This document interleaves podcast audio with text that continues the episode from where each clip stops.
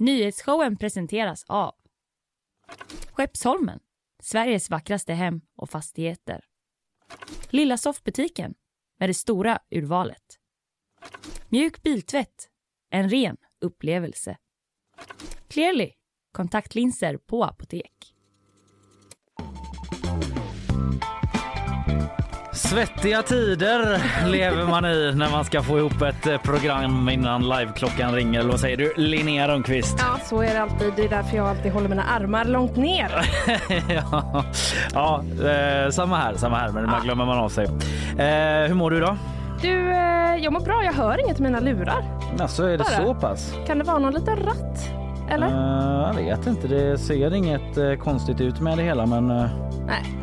Du hörs ut tror jag. Ja, det är bra. får kika på det här allt eftersom. Ja, det gör vi. Så länge jag hörs så eh, är jag nöjd. Jag hör dig gott och väl i mina lurar i alla fall. Ja, vad bra. Så det är inget, inget konstigt med det. Eh, Emelie Hagbard, vår flinke-producent, hittar en sladd som leder ingenstans. Den var bara låg nej. rakt på bordet. Och nu är det bättre. Nu! Nu hörde du nu är själv. jag med. Så kan det vara här när man eh, bygger studio från scratch Ja. eh, varje dag Ja. i princip. Eh, Vi samsas ju här i studion med tv-gänget och de ska ju ha sitt också. Det ska de. Ja, ja, nog om det. Vad ska vi prata om idag då? Jag tänkte köra en liten kort uppdatering om regeringens senaste presskonferens. De kommer ju som i ett pärlband nu, står Mm. Ja, som spön i backen. det gör de. Igår var det om kärnkraft, lite nya regler man vill ha där, eller snarare ta bort lite gamla i Mm. miljöbalken. Sen ska jag också hugga tänderna i Muharrem Demirok Just det. så att säga. Ja. Han föreslås ju av valberedningen att bli ny partiledare för Centerpartiet. Han har lite domar i bagaget, eh, en Marianakaka. Han har lite liknande politik. I bagaget?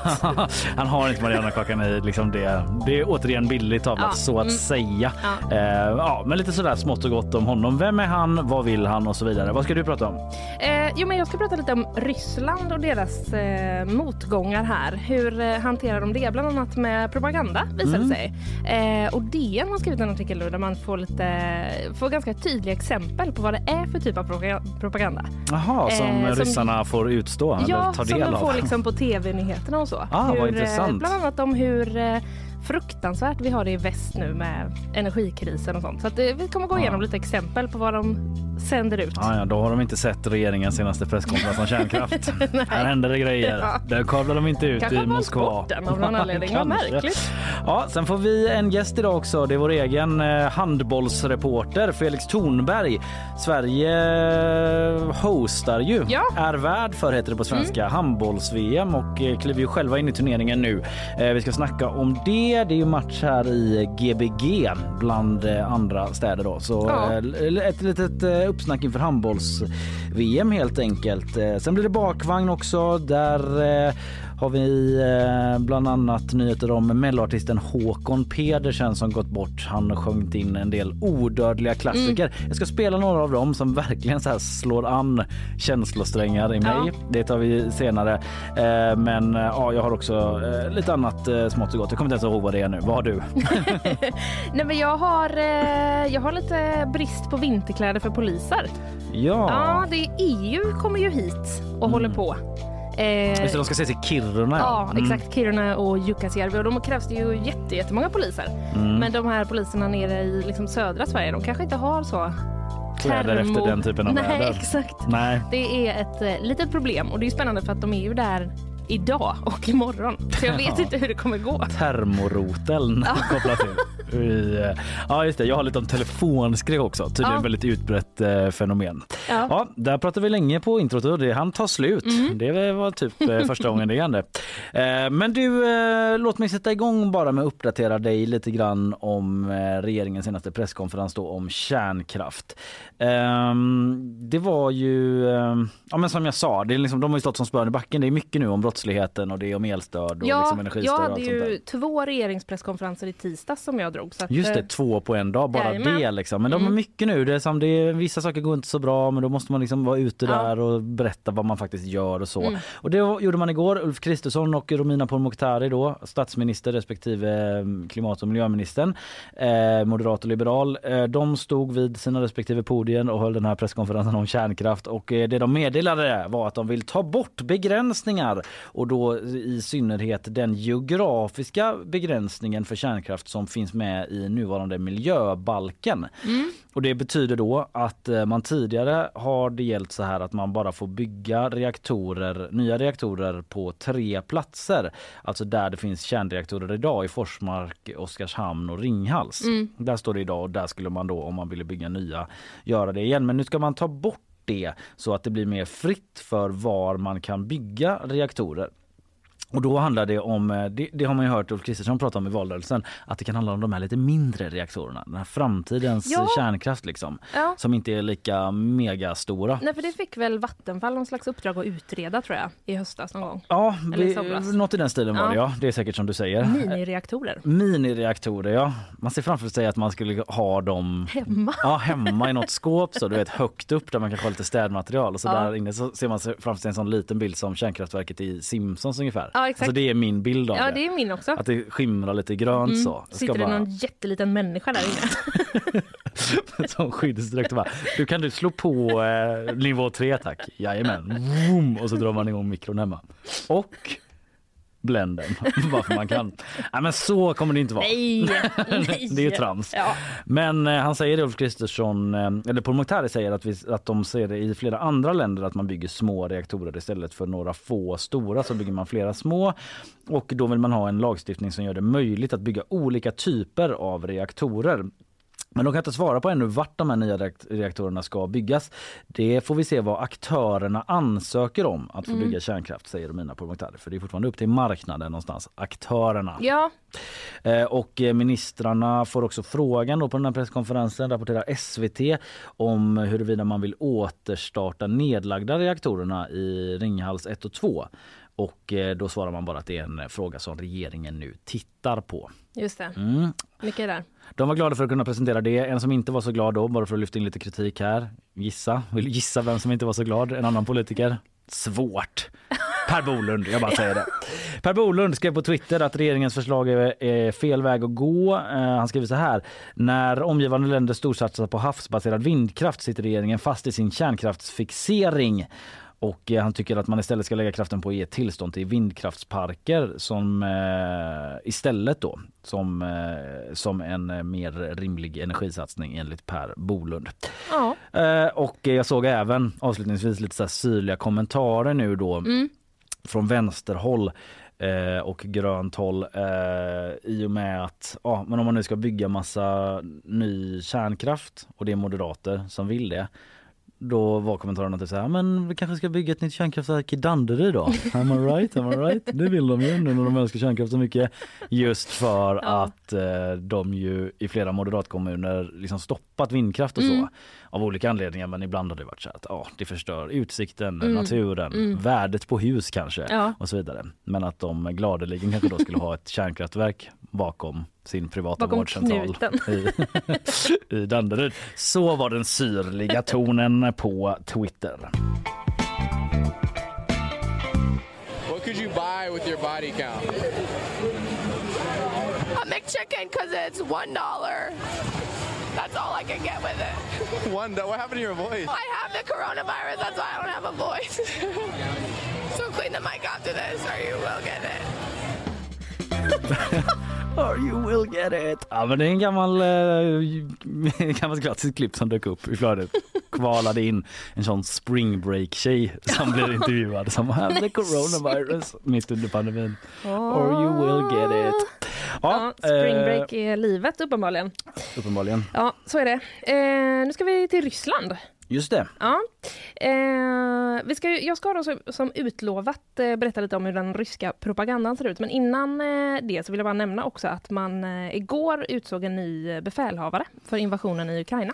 Ja det rör på sig i militära ledningen där. Det rör på sig, det flyttas om. Nu blir det generalstabschefen eh, Valerij Gerasimov som tar över. Och hans titel är då motsvarande typ överbefälhavaren i Sverige. Mm, Så okej. liksom chef-chef Mm. över militären. Kanske någon som inte är nöjd då om Ja. man eh, flyttar om lite där i ledningen. Exakt. Vill ha nya resultat, bättre Ja. resultat. Jag läste någonting i en eh, TT-artikel om att det var så här, eh, han är lite kritiserad också sen Mhm. tidigare den här Gerasimov att kanske är det så nu att man sätter in honom för att man ska liksom vinna. Eller så är det så för att man sätter in honom för att han ska sen kunna ta, ta fallet. Liksom. Mhm. Spekuleras lite i det.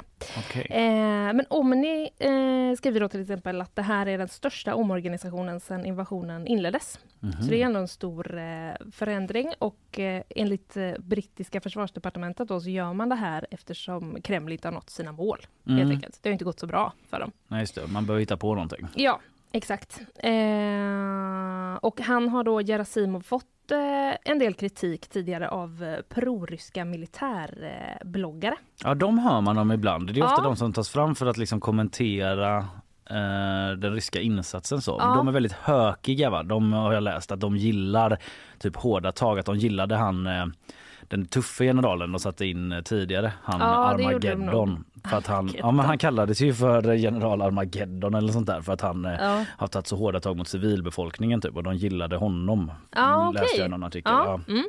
Eh, men han har i alla fall fått kritik och eh, den här kritiken eh, kommer då av allt att döma inte att lugna sig av hans nya uppgift.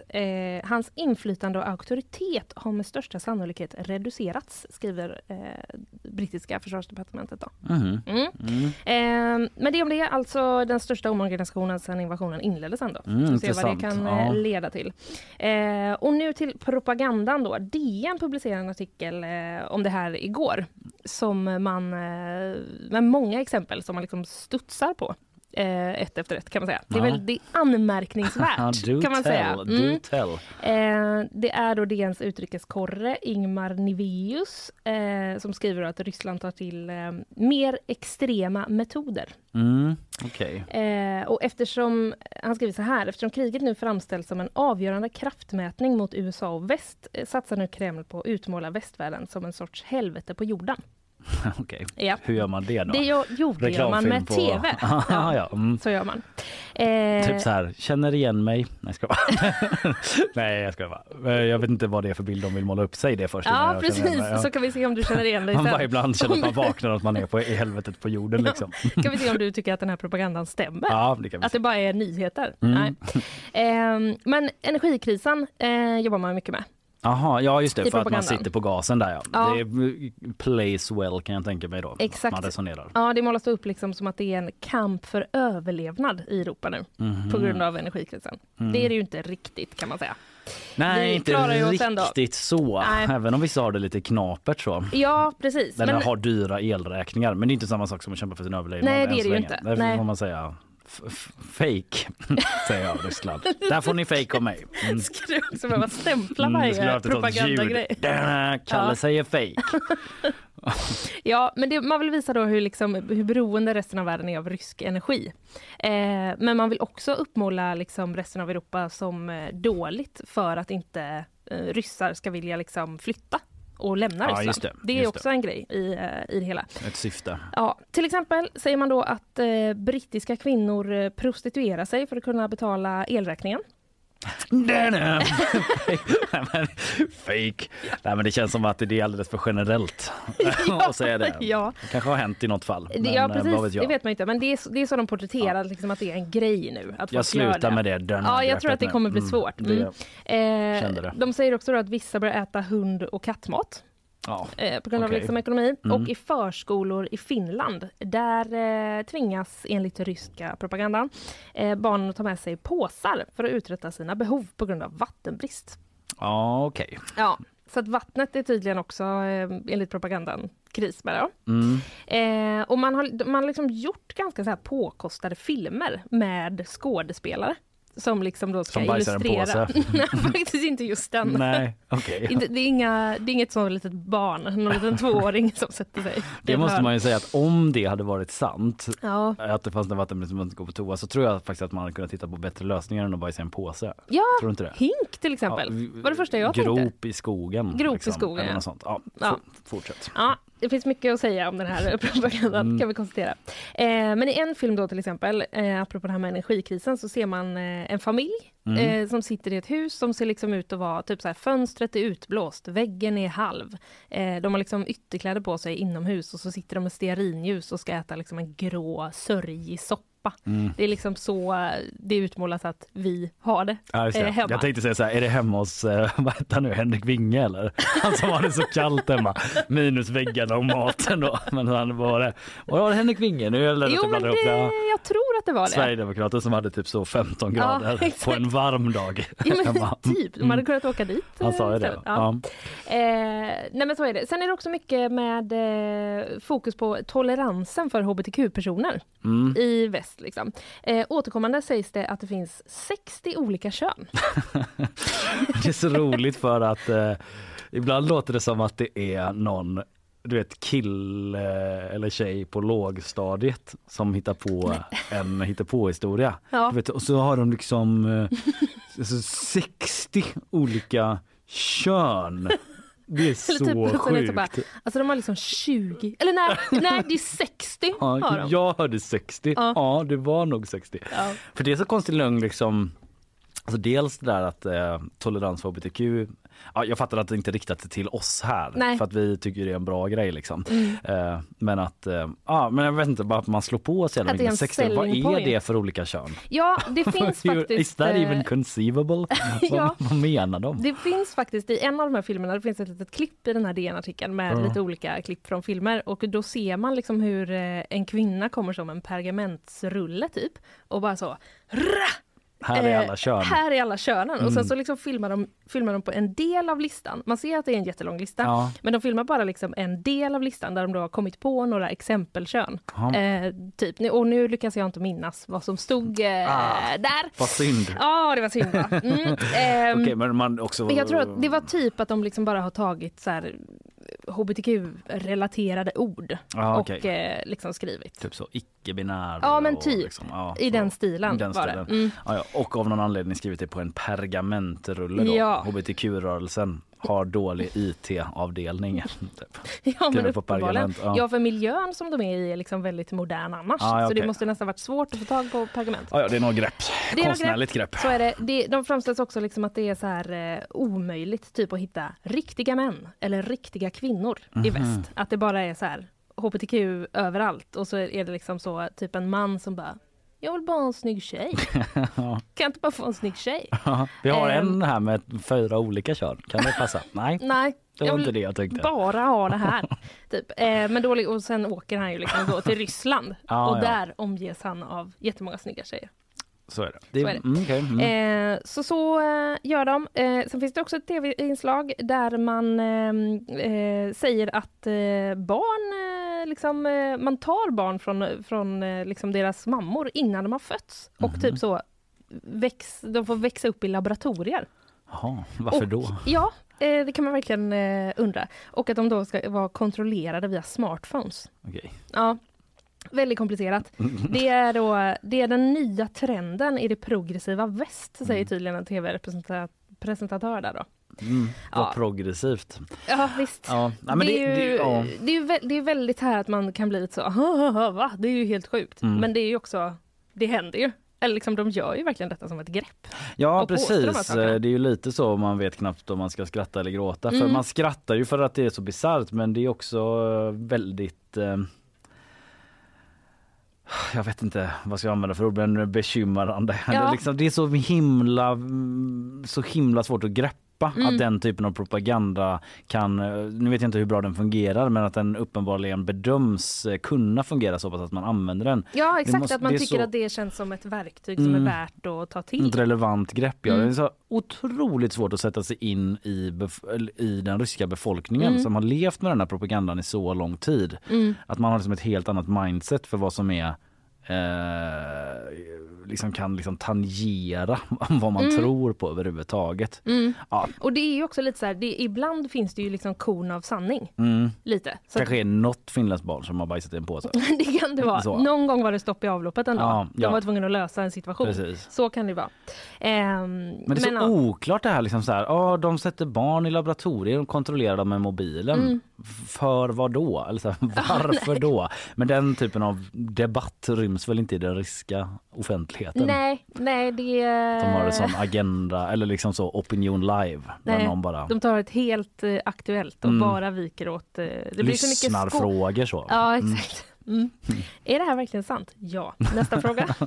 Eh, ja, men det finns också en eh, sista film som jag vill prata lite om som är från i höstas som har fått väldigt stor spridning. Och där har man liksom lyckats eh, få ihop som ett potpurri av alla de här fördomarna och liksom den här propagandan samlat. Det, då är det liksom ett eh, ryskt eh, par som är på, ska emigrera till USA som sitter på ett flyg.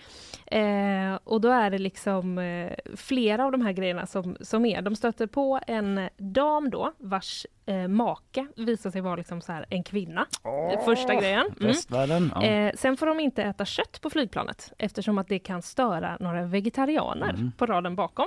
Skulle typ kunna hända i och för sig.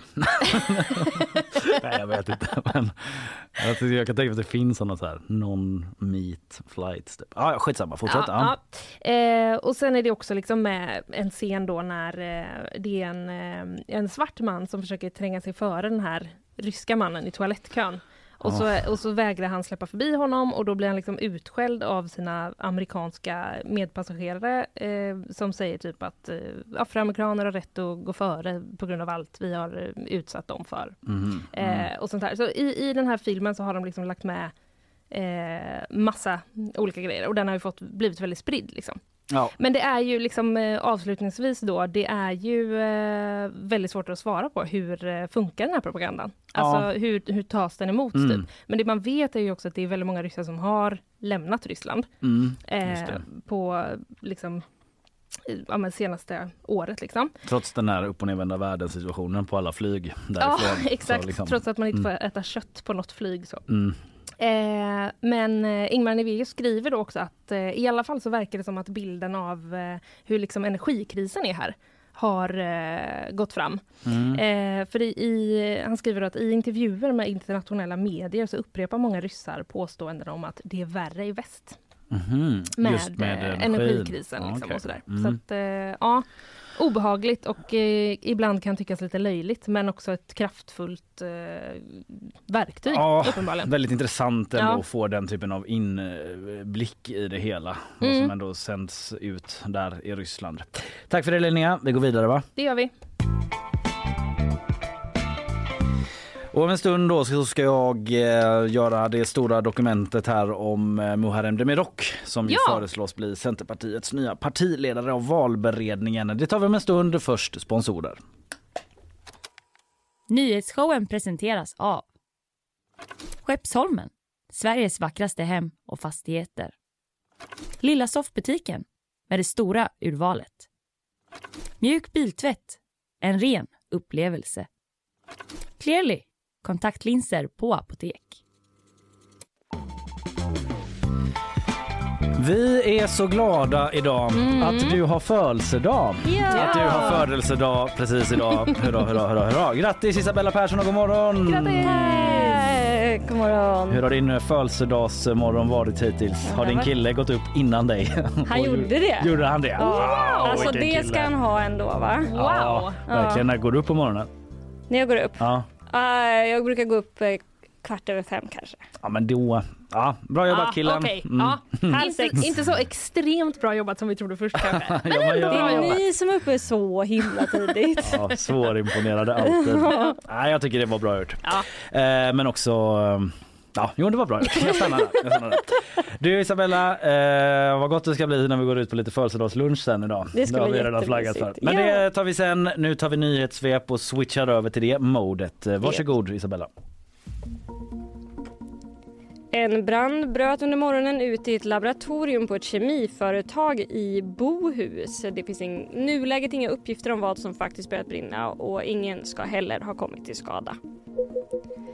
Människorättsorganisationen Human Rights Watch kritiserar Sveriges närmanden till Turkiet. Detta rapporterar Ekot. Bakgrunden till närmandena är då ansökan om NATO-medlemskapet där Turkiet ställt krav på Sverige. Human Rights Watch representant Tirana Hussan säger till Ekot att det skulle vara mycket oroväckande om Sverige blundar för Turkiets kränkningar av mänskliga rättigheter. 188 länder. Ja, till så många kommer du med ett svenskt pass utan att behöva ansöka om visum i förväg. Det visar en sammanställning av företaget Henley Partners som varje år rankar de mäktigaste passen.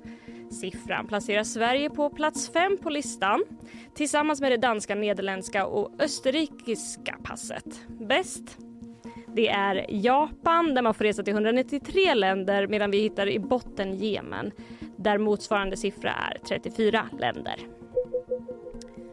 Igår inleddes herrarnas fotbolls-VM och hemmanationen Polen fick till slut se sig besegrad av toppnationen Frankrike.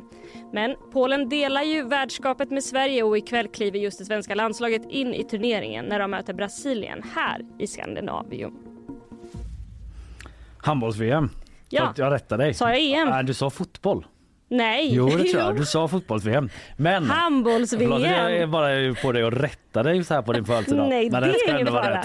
Det står handbolls-VM i Ja, men det är manuset. bara för att du älskar fotboll så mycket. Jag älskar fotboll. Mm. Jag tycker handboll är kul också i och för sig. Men... Jag satt och tänkte just, spelar man verkligen det på vintern? Eller också hade vi inte det nyss? Jo, det hade vi väl. Men jag blev också vintern. så osäker. För att Ja, det är så är mycket mitt, med Fifa nu. min domän. Det är någon som har mutat dem så vi kör VM direkt nästa år igen på vintern en gång till. Nej, jag men- har blivit betald. Ja precis. Så konstig vald eh, prioritering av mutpengarna. Att det bara ska vara en fejkuppgift här liksom. Ja, Felix Thornberg kommer ju hit ja, från Ja. sporten och snackar mer om det sen. Sverige kliver ju in ja, ikväll Ja. i eh, Skandinavium. Här. Ja, det är Skandinavien man spelar Ja. visst. Jag är så osäker. Ja, det ska vi prata om. Eh, Lite så favoritvarning på Sverige va? Ja, de vann ju EM senast. Ja just det. Just det. Ja det tar vi med oss Alltså, sen. Ja, jag blir lite osäker. Men jo, de vann Jo EM. men det gjorde de. Det var ju när Gottfridsson stod och Exakt. skrek att de skulle göra olika varianter och grejer. Exakt. Ja, det blir det mer om sen med någon som vet lite mer eh, säkert om olika saker, nämligen Felix Thornberg. Tack så länge Isabella. Vi eh, går vidare här. Vi har gjort ett jättemisstag i våran kalkyl. Där vi tänkte det skulle regna ett par dagar och går folk och handlar. Vi vågar inte räkna med att vi skulle ha brasseväder i hel vecka. Det kan man inte räkna med nu. Att det är brasseväder en du, hel vecka. Det har fan varit eh, motsatsen till brasseväder i tre veckor. Ja, Pest och pina Ja. återigen. Det var bättre idag men fortfarande fruktansvärt att Ja. ta sig hit. Ja, ja, nu är det klart i alla fall. Först var de tre, nu är det bara en kvar och den som står som segrare nu när Centerpartiets valberedning föreslagit en ny partiledare. Det är alltså den här personen som heter Muharrem Demirok. Tack så mycket. Ja, så sa han igår, inte till mig då, Nej. utan på presskonferensen när detta meddelades. Muharrem Demirok, eller Murre som han kallas vad jag förstår. ja vad är det för ett... eh, Är det, är det något han har liksom... eh, Jag tycker, jag har det faktiskt inte, så jag, ovant med ett sånt smeknamn. jag har inte sett han själv vara så. Kalla mig Murre. Nej. Eh, Men däremot så har jag sett det smeknamnet i flera artiklar. Ja. Så jag antar att det är ett smeknamn eh, Det kanske är han har. etablerat liksom i hans eh, lokalpolitiker eh, tidigare. Ja, Kan i vara. Jönköping där liksom, eller bland vänner. Mm. Så kan det ju vara. Vilket ju är rimligt. Det är väl ofta vänner som brukar ge en smeknamn. Konstigt om det var bara... Ja, nej men Murre. Eh, eh, annat förslag. The Rock. Alltså, Demi ah, starkt! Ja, det är också bra. Mm. Eh, bättre eller sämre? Ehm, alltså ur hans perspektiv bättre skulle jag säga. Ja, men ur ditt Om man vill framstå lite cool. Ja. eh, nej, då är det, Murre är mycket enklare att säga. Ja, det är det. Mm. Okej, vi får se vad han går vidare med där. Det är i alla fall han som ska leda Centerpartiet då framåt i tiden här om det blir som valberedningen vill. Medlemmarna ska ju rösta längre fram då, så inget är helt spikat men det blir ju ofta valberedningens, eh, valberedningens förslag då som tar hem det. Men eh, han sa ju inte bara Tack så mycket. och gick av scen utan eh, han fortsatte sen och sa bland annat så här. Det är eh, en stor dag för mig. Tur att han sa mig där Ja, och inte jag Centerpartiet. Jag kände det, vad kommer? Ja, han hade en eh, inte helt planerad konstpaus där tror jag. Ja. Eh, men han sa tvärtom så talade ju han om hur ödmjuk han var inför den här utnämningen och tackade valberedningen och en del andra och sådär. Men vem är då Muharrem Demirok? Ja. Nya Annie Lööf. Ja, en person som vi eh, antagligen lär få förhålla oss till här nu i svensk politik under en eh, period. Eh, jo, men eh, sen många år tillbaka så är han Linköpings starke man. Politiskt alltså, inte på så tivoli utan eh, politiska starke man. Han har varit kommunalråd sedan 2009 tills han i höstas blev riksdagsledamot då. Så inte så stor riksdagserfarenhet.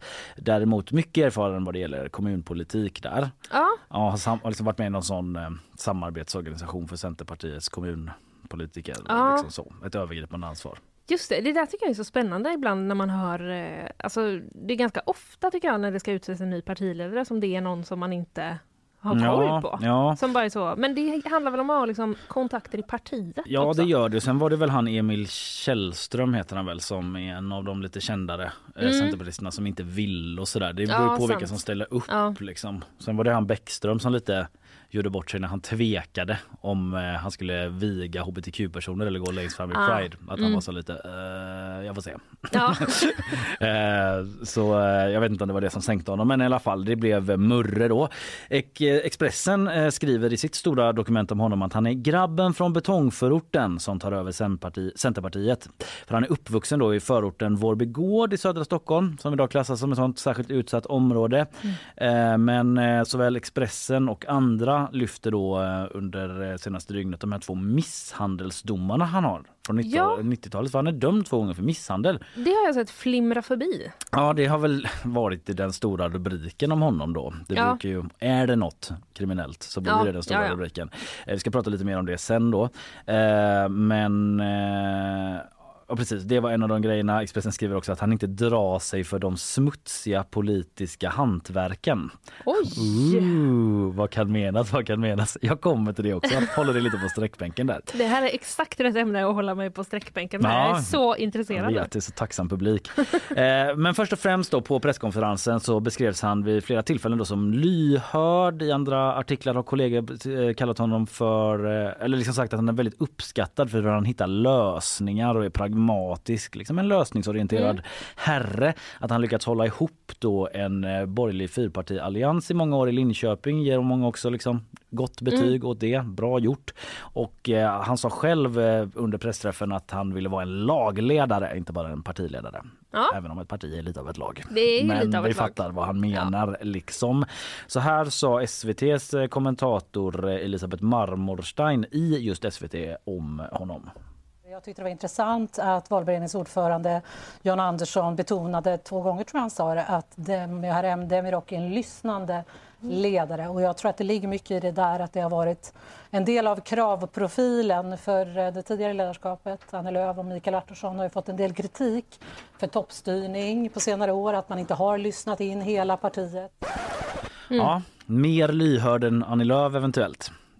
Ja. Något av på CVt. Alltså det känns så fruktansvärt jobbigt att vara lyhörd när man är partiledare. Alltså det finns så, man skulle ju kunna bara lyssna hela dagen. Ja, ja, det finns så många att Det lyssna finns så på. många att ja. lyssna på. Mm, Ja. mm. Ja, nej, Men viktigt eh, såklart, viktig ja, egenskap. Ja, viktig egenskap, Mm. särskilt om man då har upplevt tidigare att det inte har varit så himla lyhört då, om man ska tro Elisabeth Marmorstein. Mm. Eh, pragmatisk då som vi sa också, Lars Vikinge som är en annan centerpartist i Linköping då, där de har jobbat tillsammans berättar eh, att under pandemin bara för att liksom ett exempel på ett politiskt pragmatiskt beslut han Mm. har fattat eh, så ville man inte att ungdomar skulle samlas i grupp i parkerna i Linköping. Hmm, hur ska vi göra? De smittar varandra med covid och så vidare. Då kom Murre på att man skulle sprida hönsskit i alla parker. Berättar eh, Lars Vikinge. En liberal lösning som funkade, säger han. Varför var det en liberal lösning då? Undrar man kanske. Ja. För att det inte var något förbud. Utan att man bara var så, ni får vara här. Men det kommer lukta hönsskit. Mm, det var lite nudging. Men vet du vad? Om de hade covid spelar inte det någon roll för då hade de inte känt lukten. Nej, visst. Men det finns ju andra nackdelar med covid än den fördelen. Ja, det är klart. Det är klart. Jag bara menar det var därför de inte ville att de skulle träffas. Ja, ja, ja, då kunde de haft det som ett test. Det kunde de gjort ja, det tänkte de inte på. Nej men den typen av innovativa grepp då har, Mm. han, eh, har han tagit fram tidigare. Hoppas att han liksom har andra innovativa grepp Ja. än det hönsskittricket. Hönsskit, vi tar det. Ja precis, att det är typ så sprider ut det där de ska bygga ny kärnkraft så, för man inte vill ha det. Eller typ så, ett kriminellt gäng kontrollerar en gata. Murre kommer med hönsskit så. Kanske hade funkat, Kanske. vem vet. En liten stund i alla fall. Ja, ja. Eh, för övrigt har han också varit ordförande i fotbollsklubben Åtvidaberg. Bru- bruket. Åtvidaberg. Mm, från Linköpingstrakten där. Ja. Men eh, han är också liksom, om man saker som, han är nog ganska okänd för många tror jag. Mm. Men en sak där han blev lite så uppmärksammad det var när han blev utsatt för en hatstorm på Twitter 2021 efter att han har skrivit på Twitter att han tröttnat på äldre privilegierade och dare I say vita män. De slänger ut sig påståenden, gissningar och rena osanningar. Alltså det var att han liksom gick emot massa Mm. skit på Twitter då och i samband med det så fick han sin bil vandaliserad och liksom hot riktade mot sig då. Eh, jag kan gissa att det här eh, vita män är en sån slår an någonting hos eh, vandaler. Kan vara det som är Vissa. nyckelordet. Ja det kan vara det. Eh, men eh, sen då så har vi de här två misshandelsdomarna som det Mm. varit eh, en del snack om från 90-talet. Den första är från 95 när han gick på gymnasiet. I skolkafeterian ska han ha gett en kille en dansk skalle. Lite oklart varför. En, en, alltså en vanlig att man skallar någon liksom. Ja, ja. Kallas ju för dansk skalle. Ja men eh, jag ville bara kolla att, jag, att Ja. det inte var någon liksom, twist på det. Nej nej nej, utan Nej. det är vad du tror att det är. Ja det är vad jag tror att det är. Mm. Eh, då har faktiskt Aftonbladet eh, snackat med han som blev skallad som sa eh, ungefär, han sa lite olika saker men han sa att på den tiden så kunde det bli bråk ur ingenting. Eh, så att han hade ändå typ en viss förståelse typ för klimatet men han mindes typ Ja. inte detaljerna i det hela. Han sa att han annars, eh, de var inte polare eller så men att han upplevde honom som ganska introvert, introvert Demirok i skoltiden Mm. och att han inte hyser något agg eh, och tycker att alla förtjänar en andra chans. Och den andra eh, misshandelstillfället då, det var också en dansk skalle faktiskt. Så det är hans eh, weapon of choice Ja. så att säga.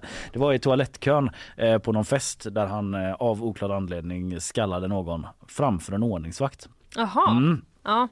Men det var också då på 90-talet när han var ung och han har ju bett om ursäkt för det här flera gånger och ångrar det och så vidare. Demirok, eh, han har inte någon direkt förklaring mer än att det var väldigt dumt. En tråkig situation som jag löste på sämsta möjliga sätt säger han till Aftonbladet till exempel. Han har Mm. uttalat sig på flera ställen om det här så alla frågar om det.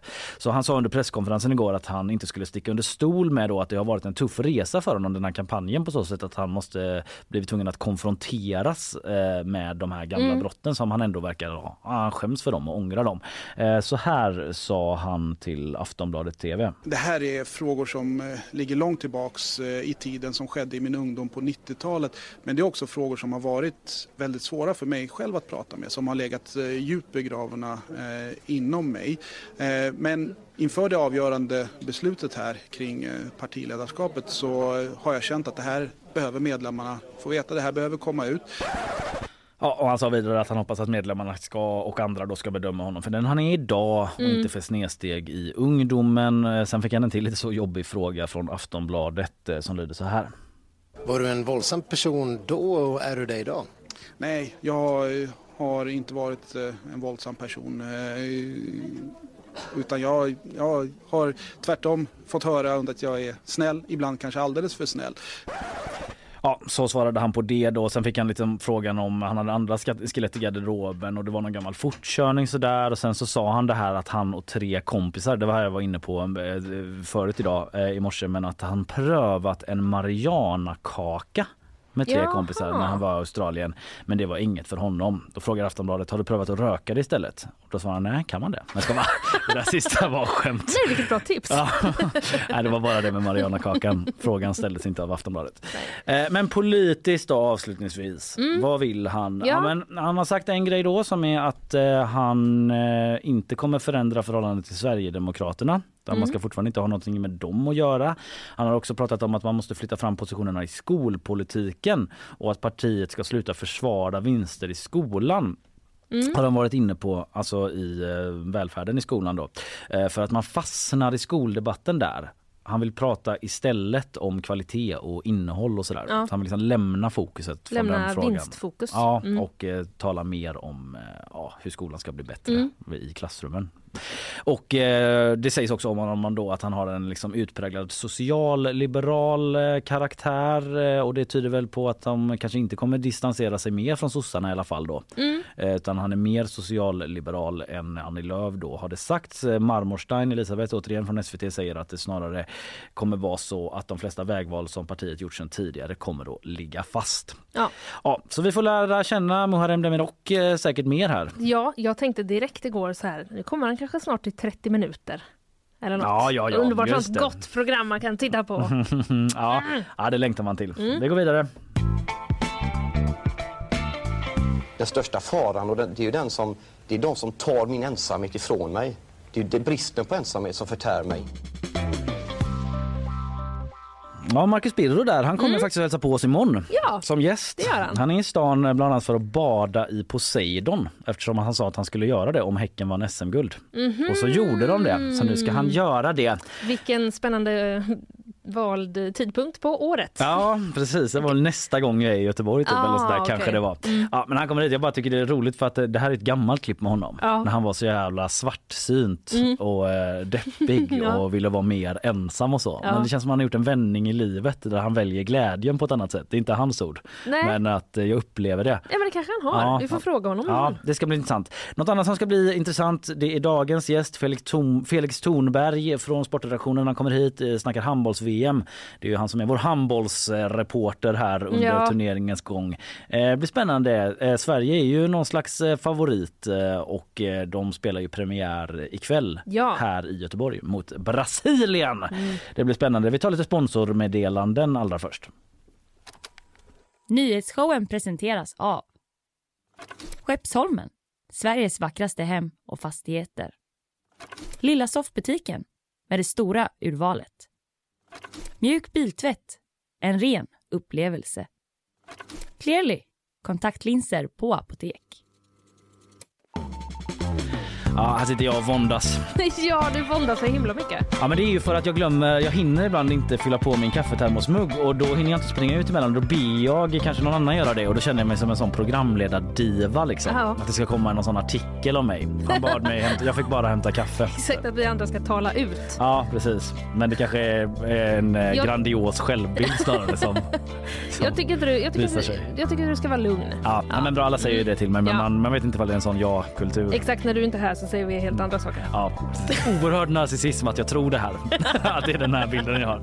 Det också, men det om det. För snart blir det handboll med Felix Thornberg. Vi eh, låter andra fylla på våra kaffetermosar och vila lite på mattan så är vi snart tillbaka. Och vad gott det kan vara med en liten sipp kaffe Mm. innan man hugger tag i ett riktigt mustigt ämne som vi ska göra nu, Mm. nämligen handbolls-VM. Igår invigdes turneringen för herrar då den 27 i ordningen. Arrangörskapet delas ju i år mellan Sverige och Polen och ikväll så går Sverige in i turneringen här i Göteborg i en match mot Brasilien. Och med oss för att snacka upp turneringen är vår egen handbollsreporter här på GP, Felix Thornberg. Välkommen Felix! Tack så mycket.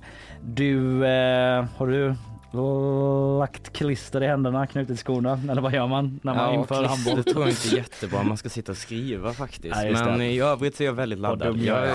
Sjukt svårt. Ja exakt. Nej, men jag har gått där hela morgonen och känt fan vad det vibrerar i fickan. Men nu, nu har jag nog kommit på att det är jag som vibrerar istället för, eh, för telefonen där. Så laddade jag. Ja, du är det. Alltså det är ju någonting visst ändå med handboll. Får du, får du eh, likt jag så eh, en viss eh, pirr i kroppen när du går in i en stor hall och man hör det här ljudet av bollar med klister som rullar och låter och det är sulor som gnisslar när de vänder. Du, jag ser på dig att du förstår vad jag pratar om. Ja men verkligen, det är väl något slags, eh, ja men det går tillbaka till barndomen tror jag. Man tänker på eh, skrubbsår och bollar i ansiktet. Och, nej det, vad finns det att inte All älska that good shit. Ja verkligen, verkligen. Hur känner du Lilia? Jag känner bara att jag kan spegla andra människor och Ja, som typ ja. får så idrotts och gympalektionsvibbar och kanske känner lite mer, lite mindre av det här myset ni känner. Men det är ju väldigt härligt. Ja men kul att du ändå kan ge oss det. Ja, men jag förstår att det inte är för alla.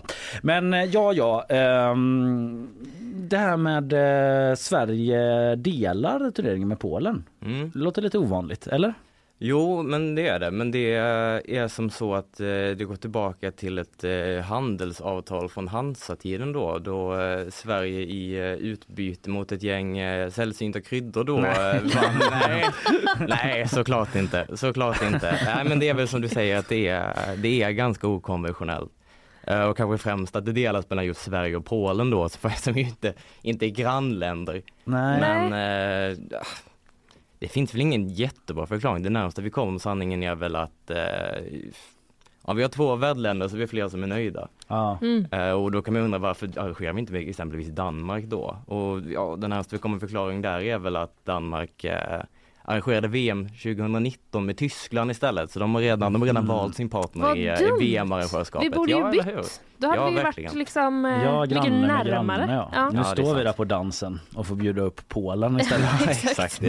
Ja. Det var Men, men om man går in på, ehm, alltså vad betyder det, vad betyder det liksom för Sverige som handbollsland ändå att vi får eh, halva det här VMet då, men ändå att vi får arrangera ett VM. Nej, men givetvis betyder det mycket. Mm. Eh, rent sportsligt och eh, kunna ha eh, liksom familjer på läktare och eh, tusentals eh, blågula supportrar på läktarna. Och sen är det väl även som så att rent intressemässigt för, för kommande generationer och se till att vi fortsätter ha de här kommande framgångsrika handbollskullarna. Så det är väl framgångar man kommer eh, skörda förhoppningsvis under Mm. mästerskapet men också under flera generationer framöver på det sättet. Mm. För det är länge sedan sist vi hade det va? Eh, ja, vi hade ju, ja det är det faktiskt inte. Vi hade ett, eh, ett hemma-EM här eh, 2020. Hade vi. Ah. Men det var EM ja, men Ja. VM var Precis, 2011. 2011, har jag precis, fått. precis, Jag precis. ska inte låtsas kanske som att jag inte är visste så det. länge utan jag hade sedan det. i VM-mått mätt. Jag vet inte. Alltså, nej, jag vet inte heller. Men Nej. i fotboll så är det ju väldigt nära. Men handboll är ju liksom ändå lite mindre, ja jag vet inte, Ja. lite Nej, färre men de brukar möjligheter. säga det att det går Ja. snabbt i handboll så. Ja, Mm. precis. Bra. Ja, men just som du säger det där med eh, att det kan ge inspiration till nya generationer och folk Mm. som vill spela handboll och sådär. Så när jag är ju född 87 då, liksom, så på Mm. 90-talet så var ju Sverige stora glansdagar i handboll. Mm. Och jag minns att jag satt hemma och kollade med pappa och det var liksom, det var, det var alltid typ som att eh, man var tvungen att Ja, men du vet vara var i en telefonkö till akuten för att pappa kan få en hjärtattack när som helst. Du vet, man bara ligger Ja, och rullar där. För det var så jävla spännande och man älskade de här eh, Wislander och Vranjes och alla de här. Liksom. Ja, och Bengan Boys. Bengan Boys Mm. och så här, då, då fanns ju eh, damhandboll fanns ju men det sändes inte på tv så det Nej, var ju exakt, mycket herrarna då. exakt. Mm. Ehm, men sen känns det som det var liksom en ökenvandring typ Mm. liksom jämfört med det i alla fall ganska många år. Men nu så är man ju framme igen och har något riktigt bra på gång eller? Ja men det är väl rättvist beskrivet att eh, det landslag som vi hade där på, på 90-talet och början på 00-talet det är ju av många ansett som eh, bland de bästa handbollslandslag som någonsin har funnits. Mm. Eh, Så jämfört med det så har vi- väl haft lite av en ökenvandring. EM-guld som vi vann nu förra året, det är ju det första internationella titeln som Sverige vunnit på 20 år. Ja det är så. Mm. Mm. Ja men det är ju roligt också typ att den som ändå klassas som världens bästa handbollsspelare genom tiderna Mm. eh, väl är ju Magnus Wislander som är Mm, liksom mm. brevbärare i Göteborg. Det har Ja, hänt exakt. en del med handbollen sedan dess också. Ja det får man lov att säga. Det Ja. får man lov att säga. För att då hade man ju den här typen av profiler och sådär också. Nu kanske det inte är lika profilstarkt men ändå. Jag tänkte bara vi, vi ska spela ett litet klipp Mm. då. Jag hoppas vi kommer in här rätt nu för jag får ta det från datorn men det är från eh, EM-finalen förra året när Jim Gottfridsson tar eh, ton i timeouten. Eh, många minns säkert det här. gör ett tekniskt fel. Men det gör vi inte. Fan, nu sätter vi dit den. Det var ett tag sedan Sverige gjorde mål vet du. 19 sekunder. Ska fram bli Europamästare. Kör vi tysk höger. Dansk vänster. Kom rätt. Om jag inte släpper den. För hela ditt jävla liv, håll han i ryggen. Så får du mellan benen. Ja. Vi.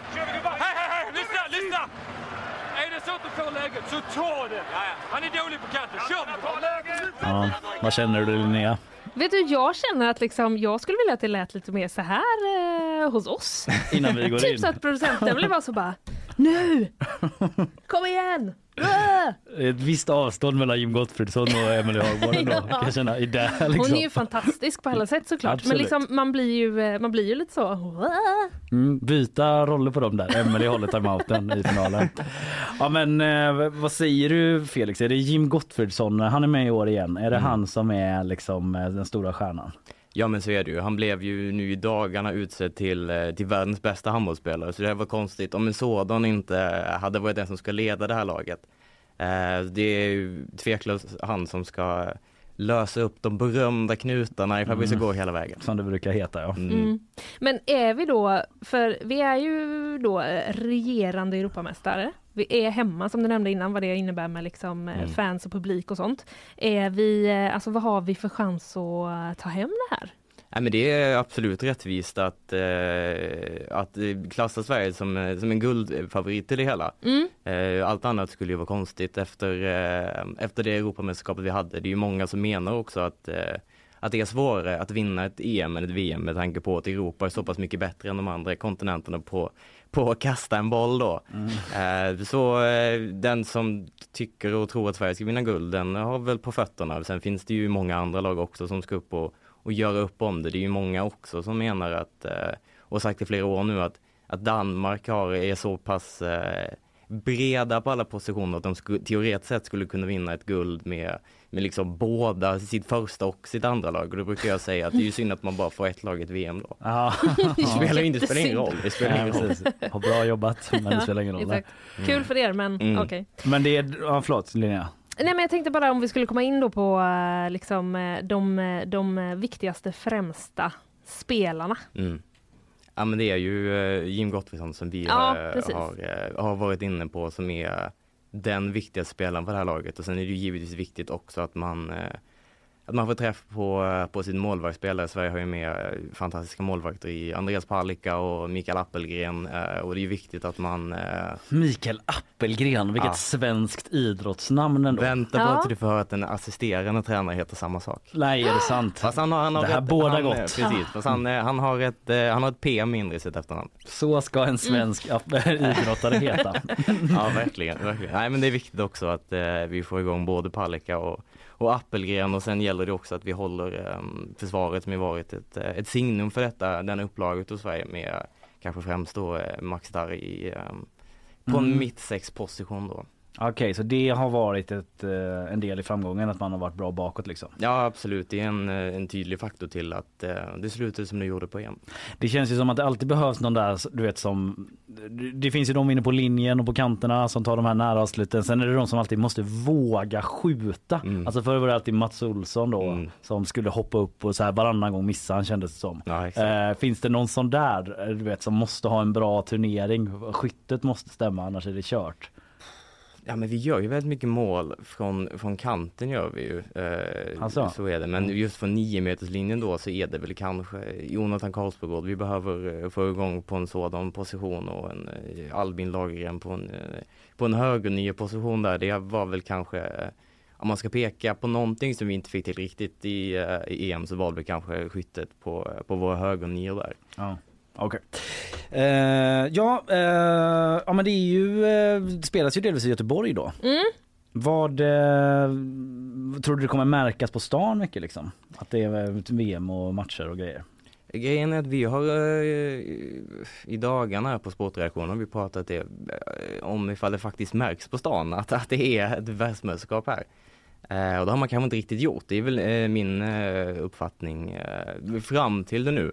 Vi sa det att om man befinner sig inom en radie av 100 meter från Skandinavium så märker man det för då Mm. har de massa, massa flaggor som leder ner dit. Eh, men de hade, jag tycker absolut man kunnat göra bättre reklam för sig för det är något mäktigt vi ska få se. Vi får väl i alla Mm. fall hoppas att eh, att det kommer märkas på stan när vi är igång för det kommer ju människor från hela världen hit och eh, det kommer i princip vara fullsatt eh, varenda gång Sverige spelar Skandinavium och det är ju i alla fall 12 000 personer liksom. Mm. Men det kommer inte vara som liksom, eh, när det är Gotias cup och man eh, inte kan gå på en spårvagn på en vecka. Nej, De du kanske kommer- åker på andra sätt. Nej det är sant, då kommer nog inte behöva brottas med liksom serbiska handbollsspelare. 14-åringar på, på bussen, det tror jag inte. Nej. Färjan över till Polen Ja, kanske? ja kanske för sig.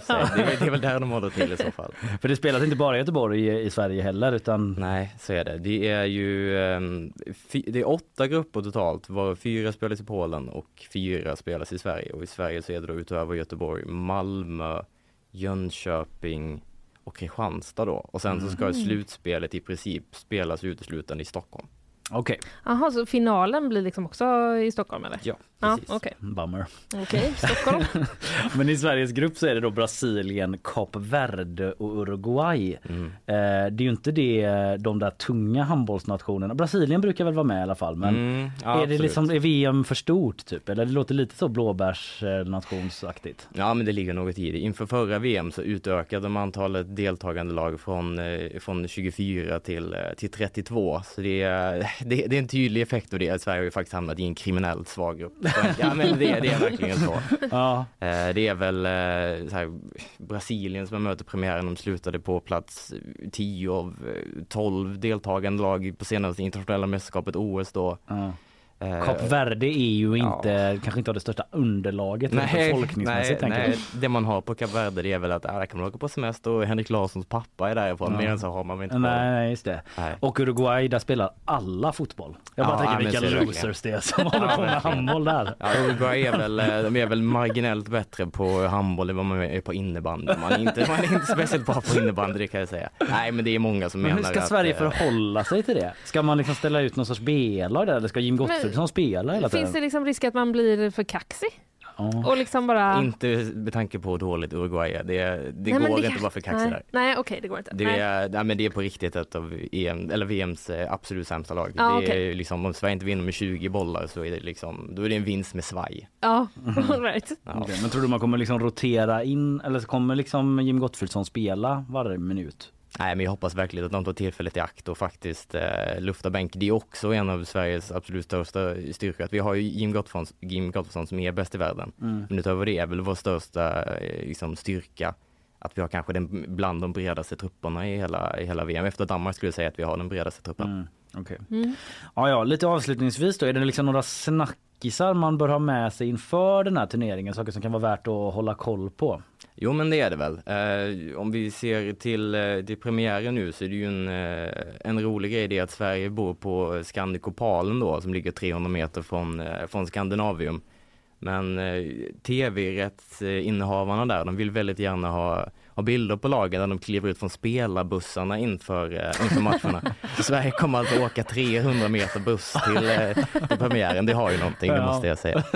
Eh, men utöver det så är väl den största snackisen eh, att det kommer genomföras covid-testning på mästerskapet. Aha. Eh, det är det ju eh, väldigt många bortskämda handbollsspelare som inte gillar överhuvudtaget.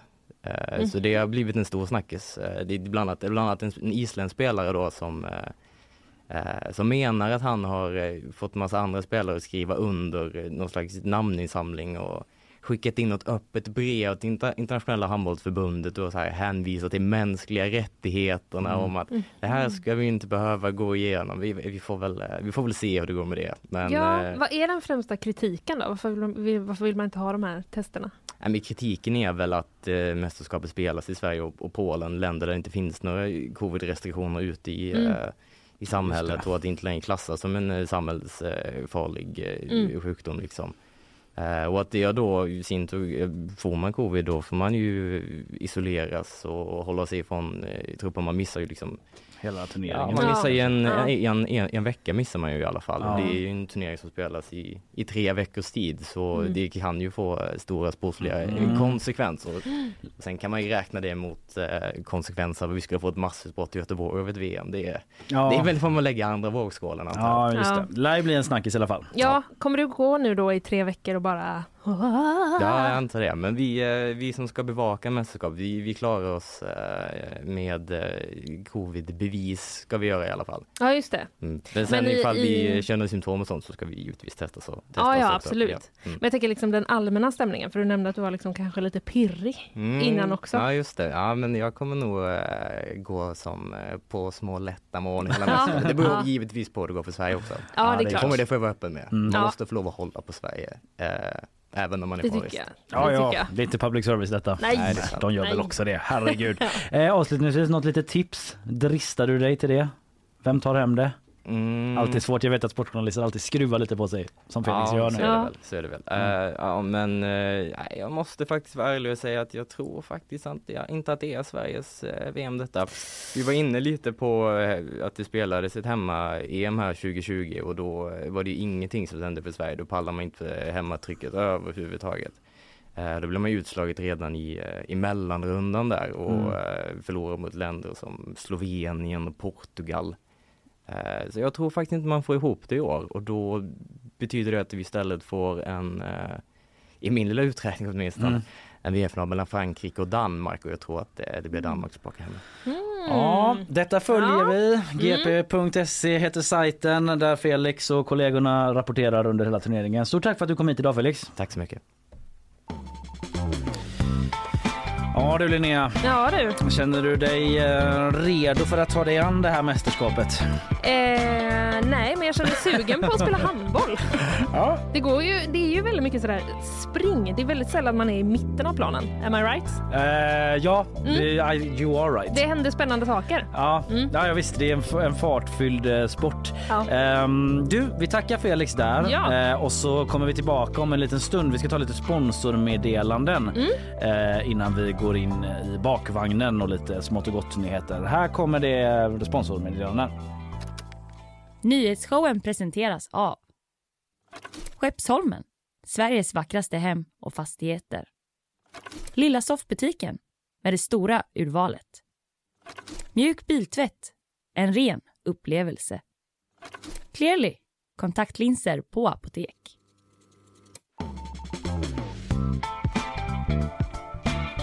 Jag som får ett litet kick är vi tillbaka eh, och eh, det är inte bara du och jag som är det Linnea. Nej. Utan det är också Isabella Vårt Persson. födelsedagsbarn. Mm.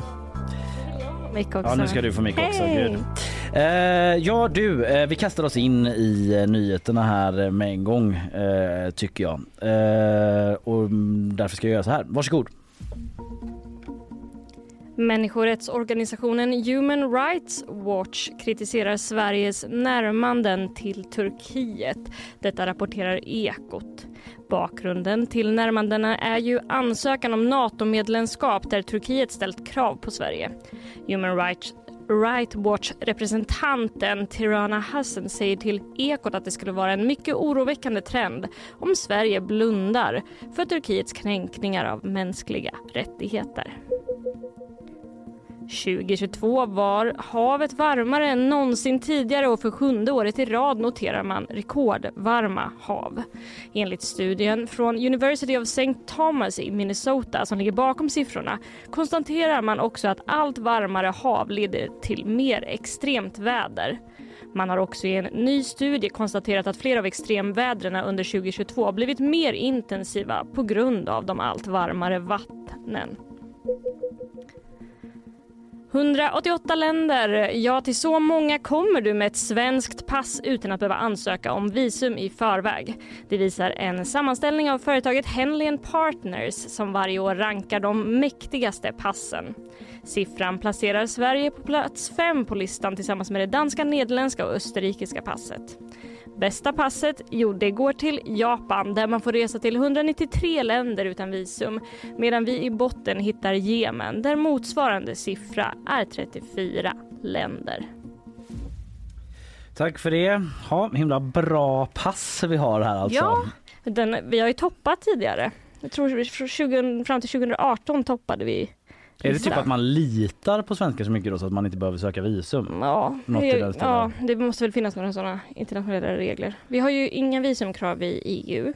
Nej, Eh, nej. Så det är ju eh, De har vi ganska många vi ihop. som eh, Ja, klumpar exakt. ihop till att inleda. Men är det inte också något sånt här, eller jag tänker att eh, man kanske har visum för att man... Eh, jag jobba typ. ja, kanske, men också för att typ folk, alltså andra länder kanske tänker att det inte är så stor risk att eh, svenskar liksom... Eh, Ska typ stanna kvar Ja, utan ja, att precis. vara Att man ska vara kvar. papperslös. Ja. Mm. Mm. Ja, kanske. jag. jag vet inte. Och sen så handlar det ju om visum i förväg. Jag vet, jag vet inte riktigt vad som är skillnaden där. Att man kanske behöver liksom fylla i papper när man kommer fram och så vidare. Och så vidare. Just det. det kanske finns sådana regler också. Det kan du göra. Du, eh, vi ses på din födelsedagslunch sen. Det gör vi. Hej så länge.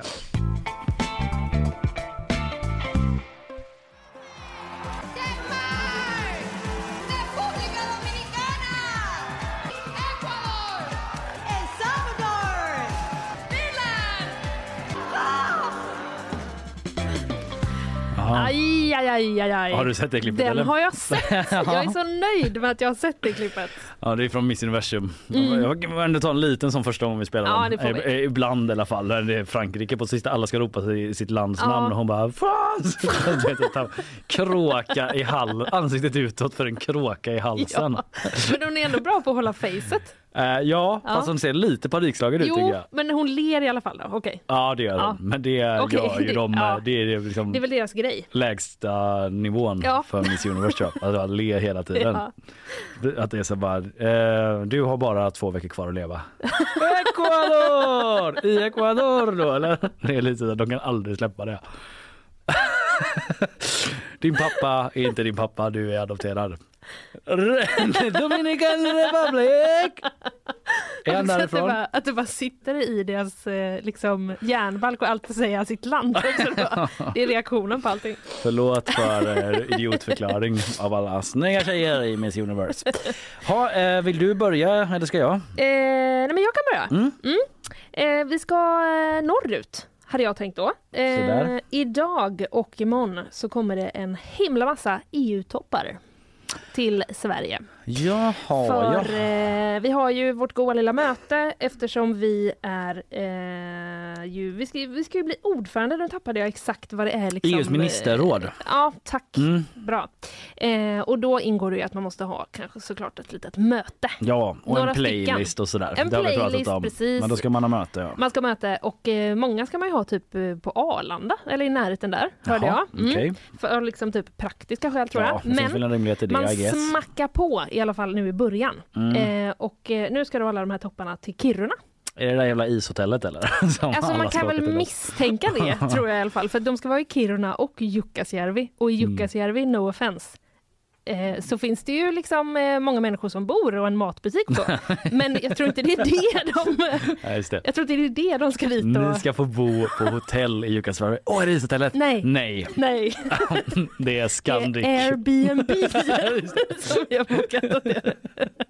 Men, Är det okej om du bor ihop med han från eh, det landet där borta? ja just det ja. För de hade inte så många Airbnb. Exakt. En de lottar så, en får bo på ishotellet. Ja. Grattis Bulgarien! Är ni med i EU? Undrar jag bara- först. Bulgarien! Just det. Står där inne och fryser bara. Eller typ mer att Frankrike får beskedet bara, du får bo på Airbnb. Mm. France! Okej, can I at least see the ice hotel? No, No. you can't. You must close your eyes. Och så står liksom Spanien på ishotellet och bara du vet inte hade med sig en jacka typ. Som eh, polisen, eller? Som polisen! Ja. Gud vilket snyggt tillbakataget. Ja, man tackar. Jo då, så här är det. Eh, det är ju då massa toppar. Eh, Statsministern är där, kungen kommer vara där. Eh, och eh, Ursula von der Leyen, Mm. EU-kommissionens ordförande. Då behövs ju massa poliser för Ja. att upprätthålla säkerheten. Såklart. Eh, det är då poliser från hela landet som har kommenderats upp dit. Var får de bo? Frågetecken. Sidospår vi inte ska gå in på. Nej men det kan man undra. Man kan undra. Relevant, nu ställer du de relevanta frågorna tycker Visst. jag. Men vi går vidare. Ja, vi går vidare. Eh, jo, det är jättemycket poliser då från hela landet som har kommenderats dit och i slutet av november, jag är på DN och läser ska Mm, jag säga mm. också, eh, då skickade polisregion Öst ut ett mejl med en efterlysning på vinterkläder till sina anställda. För då var det väl ja. någon som kom på där att vänta lite nu, är det inte typ 20 minus där uppe?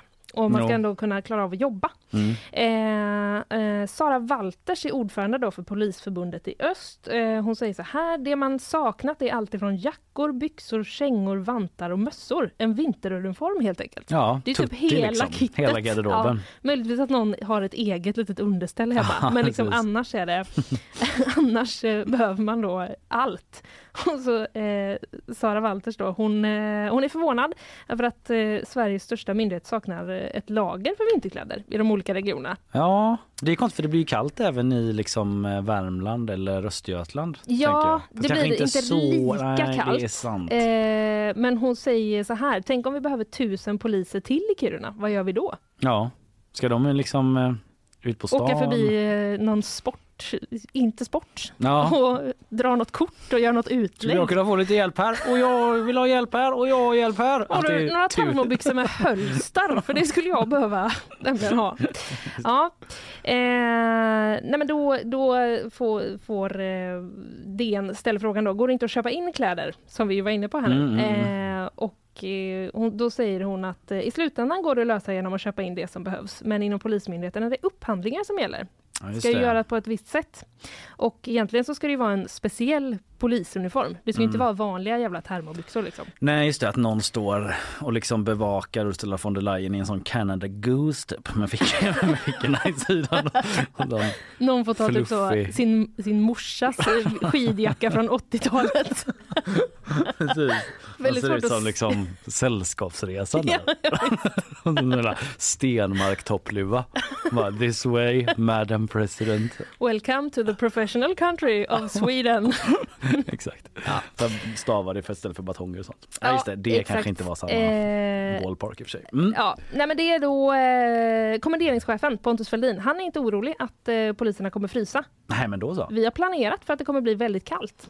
Även om det sannolikt inte kommer bli så. Alla som kommer vara i Kiruna kommer ha kläder för sträng kyla, säger han. Ja, ja men då så. Ja, eh, så det verkar ju ändå som att eh, det kommer gå ganska bra.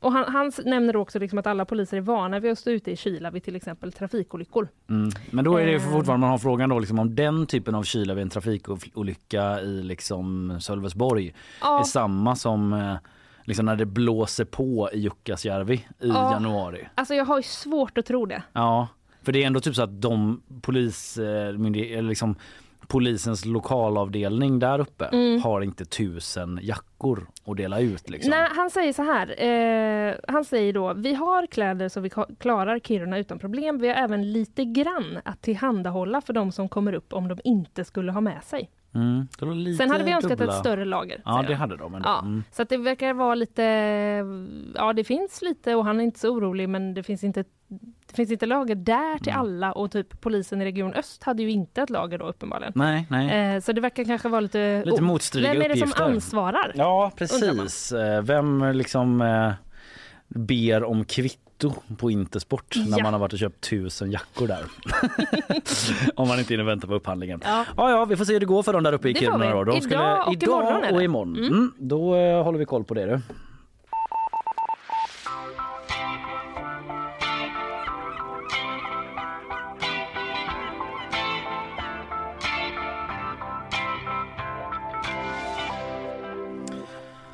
Jag vill berätta för dig eh, om nyheten som kom igår om att eh, Håkon Pedersen är död. Ja. Melloartisten som också sjöng in eh, den här låten. Snälla och rara, helt underbara och deras saga berättas igen. Först deras sånger som för många gånger Får ändå vänta till refrängen. Mm,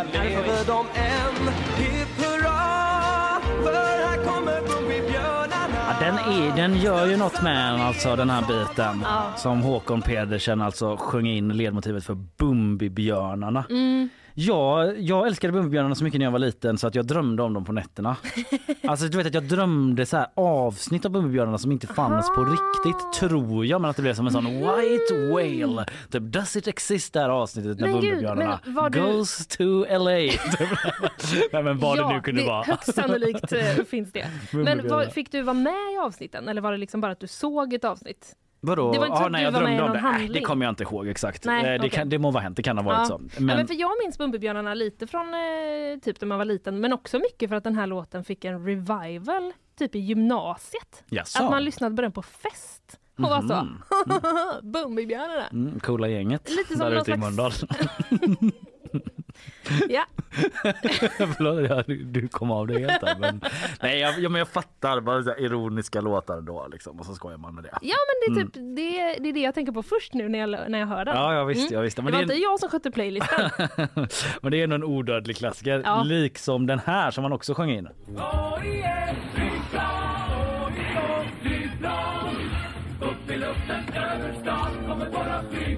Här kommer vi. Ja, här kommer vi. Jag sjöng den så sent som igår den här låten, alltså innan jag visste att eh, Håkon hade gått bort då för mina barn. För Aha. de lekte flygplan. Och Ja. jag bara, har ni hört den här? Och de bara, shut up dad. Nerd.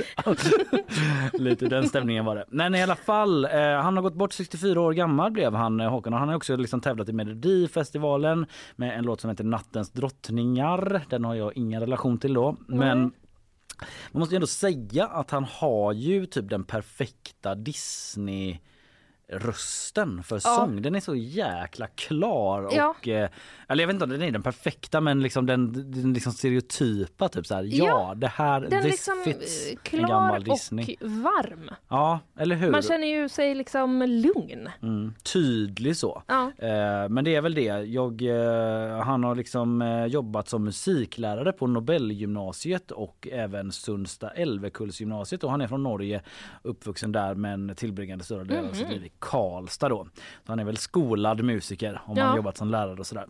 Ja, det var egentligen bara det jag hade att säga. Eh, senast han syntes till var på QX-galan 2022 där han framförde en hyllning till Lasse Holm tillsammans med Elisabeth Berg, Kikki Danielsson och Elisabeth Andreasen. Mhm. Eh, Så det var liksom senast eh, framträdandet eh, läser jag här från gp.se. Tack till Håkan Pedersen för de där odödliga klassikerna. Mm. Han var ju, lite, han var ju då en, en, en, en, en, ruler, så att säga, eh, på ett annat sätt än en, en, en demokratisk stat. Men han, hade, han är väldigt, väldigt öppet. Istället för nära. Det blir ett totalt missförstånd. Ingen, ingen, man måste ju vara där och se det här, hur det fungerar. Lite om Brunei och sultanen. Totalt Missförstånd. missförstånd. Mm. Mm, eh, Elon Musk. Åh, det var länge sedan du. Mm, visst var det det. Tack för att du tar upp honom. Jo då. Eh, han har slått världsrekord.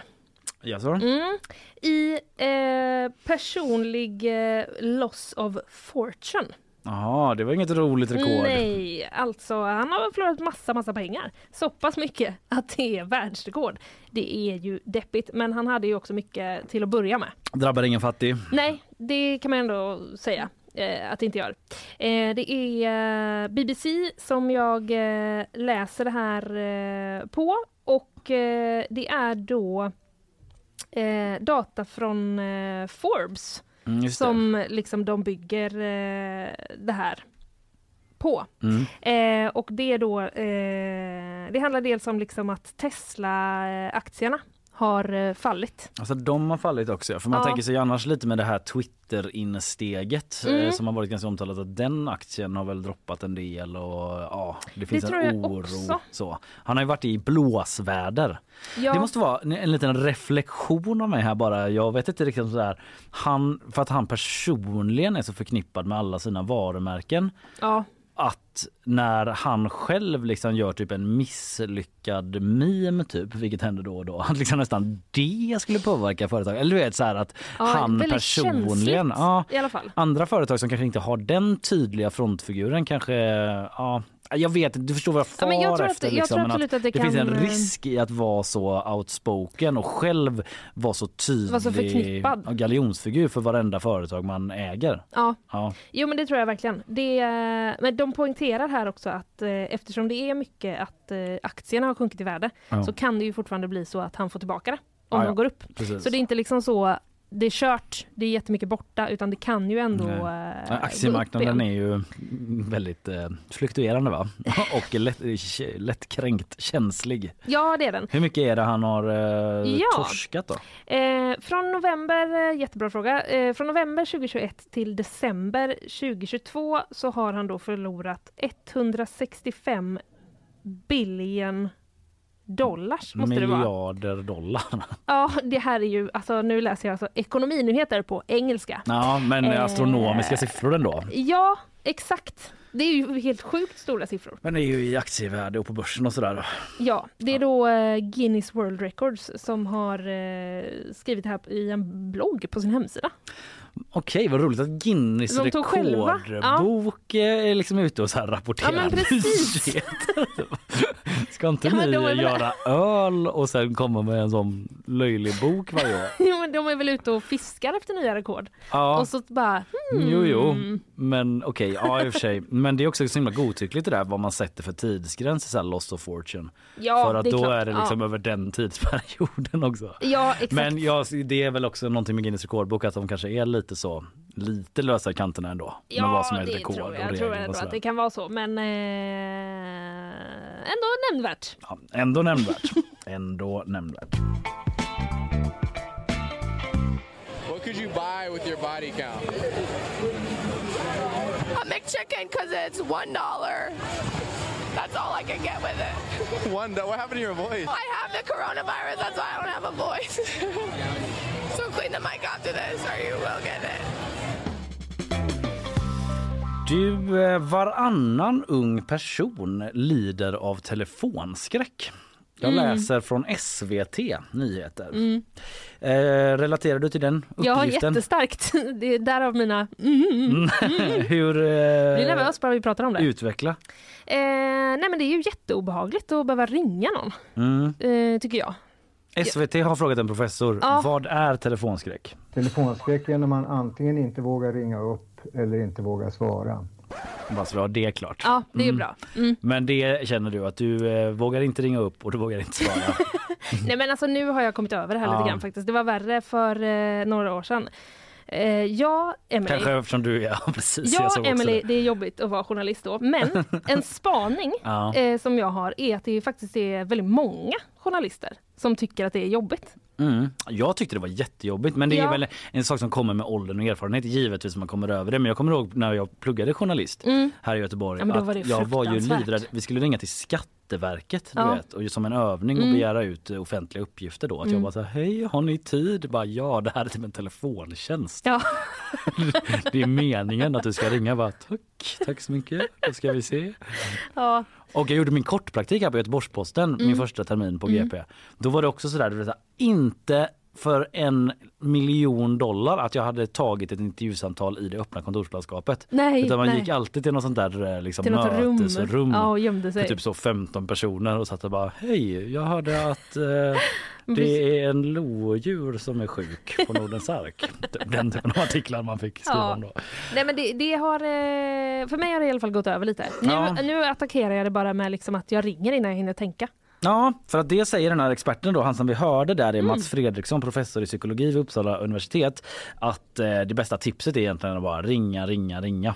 Aha, liksom ja. KBT det. Ja. Kanske inte är KBT exakt men att eh, bara face your fears typ. Ja. Men han får frågan då varför han tror att det är främst unga för det är nämligen så att främst unga drabbas av det här eller lider av det här. Han säger så här. Jag gissar att det beror på att unga använder sig av textmeddelanden och sms i mycket större utsträckning än vad äldre gör så att man tar det som naturligt och sen så vet man själv att när man ska svara på ett sånt där meddelande så har man lite tid och man kan tänka sig för och man blir inte så direkt.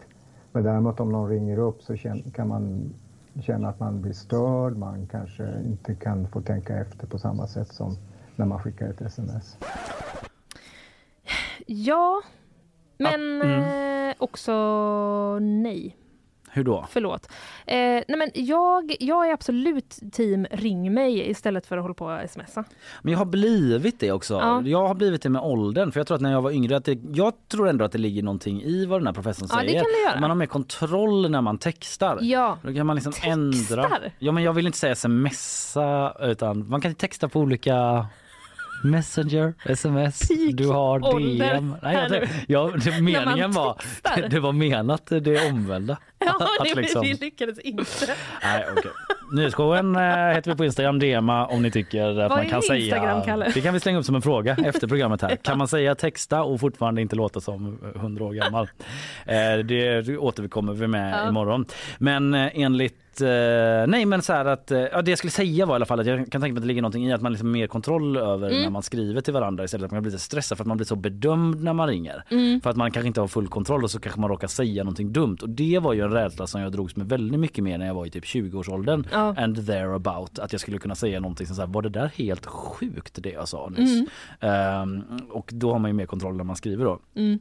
Kan rädda upp med någon sån ah, P, kolon P för att låta lite gammal igen emoji. Så jag skojar bara. PPPPP. Ja, eh, nej men eh, den här undersökningen visar i alla fall att 48% av de intervjuade i undersökningen i åldrarna 18 till 29 upplever någon typ av eh, telefonskräck då. Och det är på uppdrag av eh, en SIFO-undersökning på uppdrag av Halebop Mhm. och mobiloperatören som gjort den här. Varför de nu vill Mhm. veta det. Ja, Ja, det vill en de massa- typ jobba för att motverka det? Eller Vi jobbar för att motverka telefonskräck. oh, du fick en känsla att det kunde vara så, någon kunglighets nästa projekt. Mm. Eller det klassiska skämtet Musikhjälpen 2023. Ingen människa ska känna telefonskräck. så är det typ så.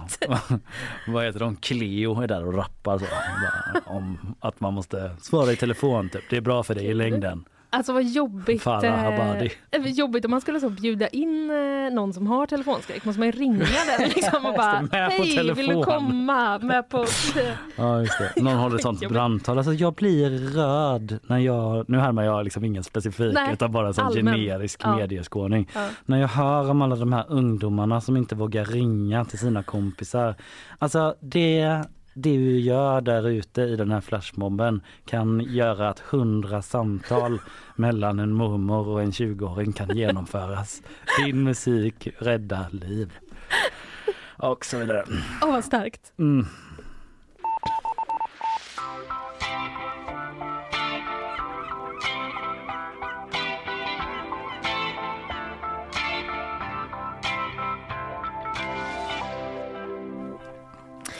Eh, du, eh, igår Ja. så stannade hela eh, flyg-USA upp. Ja, det var en stor grej ja. Ja, och vill du gissa vad det berodde på? Uh, Datahaveri! Datahaveri, ja just det, det Ja, var inte en sån ryss inte- som var på eh, en sån tokigt, blev galen för att det var så progressivt på flyget till USA. nej, nej, det var det inte.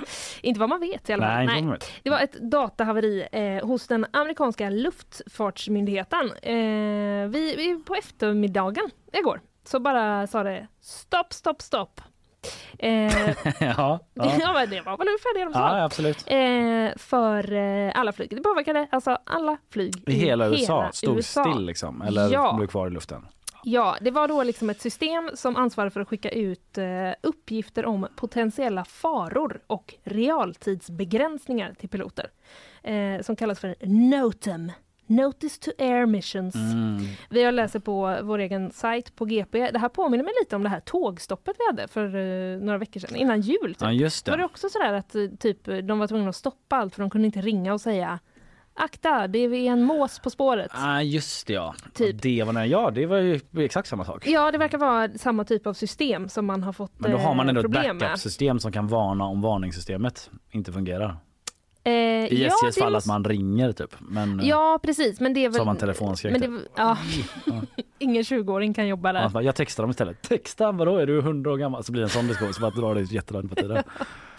Skitjobbigt. Nej, men, eh, ja, de verkar ju i alla fall ha fått... Men där är väl hela tiden så med flygplan att man måste få godkänt på allt. Ja, Man får ta några egna initiativ. nej men med rätta så Att är det väl bara, ganska "Jag landar här rigorösa nu." säkerhetsrutiner kring exakt. det. Mm. Det är så. Nu får du det, nu får du det. Så att, eh, jag tolkar det som att, liksom, eh, eller jag gissar då att det var liksom att eh, ja, inga nya flyg fick lyfta. Nej, liksom, nej. För, när det inte det funkade. Så då var det en paus på alla inrikesavgångar.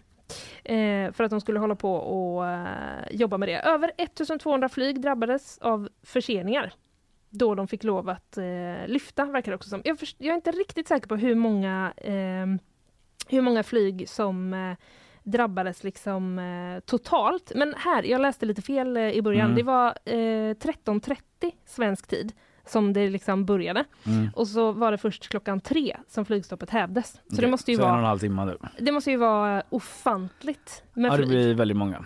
För bara när man går in ibland och är lite nyfiken på en sån flight radar. Mm. Är du inne på såna ibland eller? Nej, men Nej. jag har sett att folk är Ja, det. jag är det ibland. Men om du då går till liksom USA så ser man ju hur sjukt mycket flyg. Varför är du inne och kollar det? Va? Det är väl... eh, Jag alltså, hörde att det lät som ett påhopp, men- Ja, nej, men det är okej. Nej men eh, typ oftast är det för att jag typ hör något konstigt plan där jag är. Och då kan man gå in Aha. där och så kan man kolla vad var det för någonting. Jaha, det var en Boeing. Eller typ om man hör en helikopter. Ja. Kan man det var vad, var helikopter. vad var det för helikopter?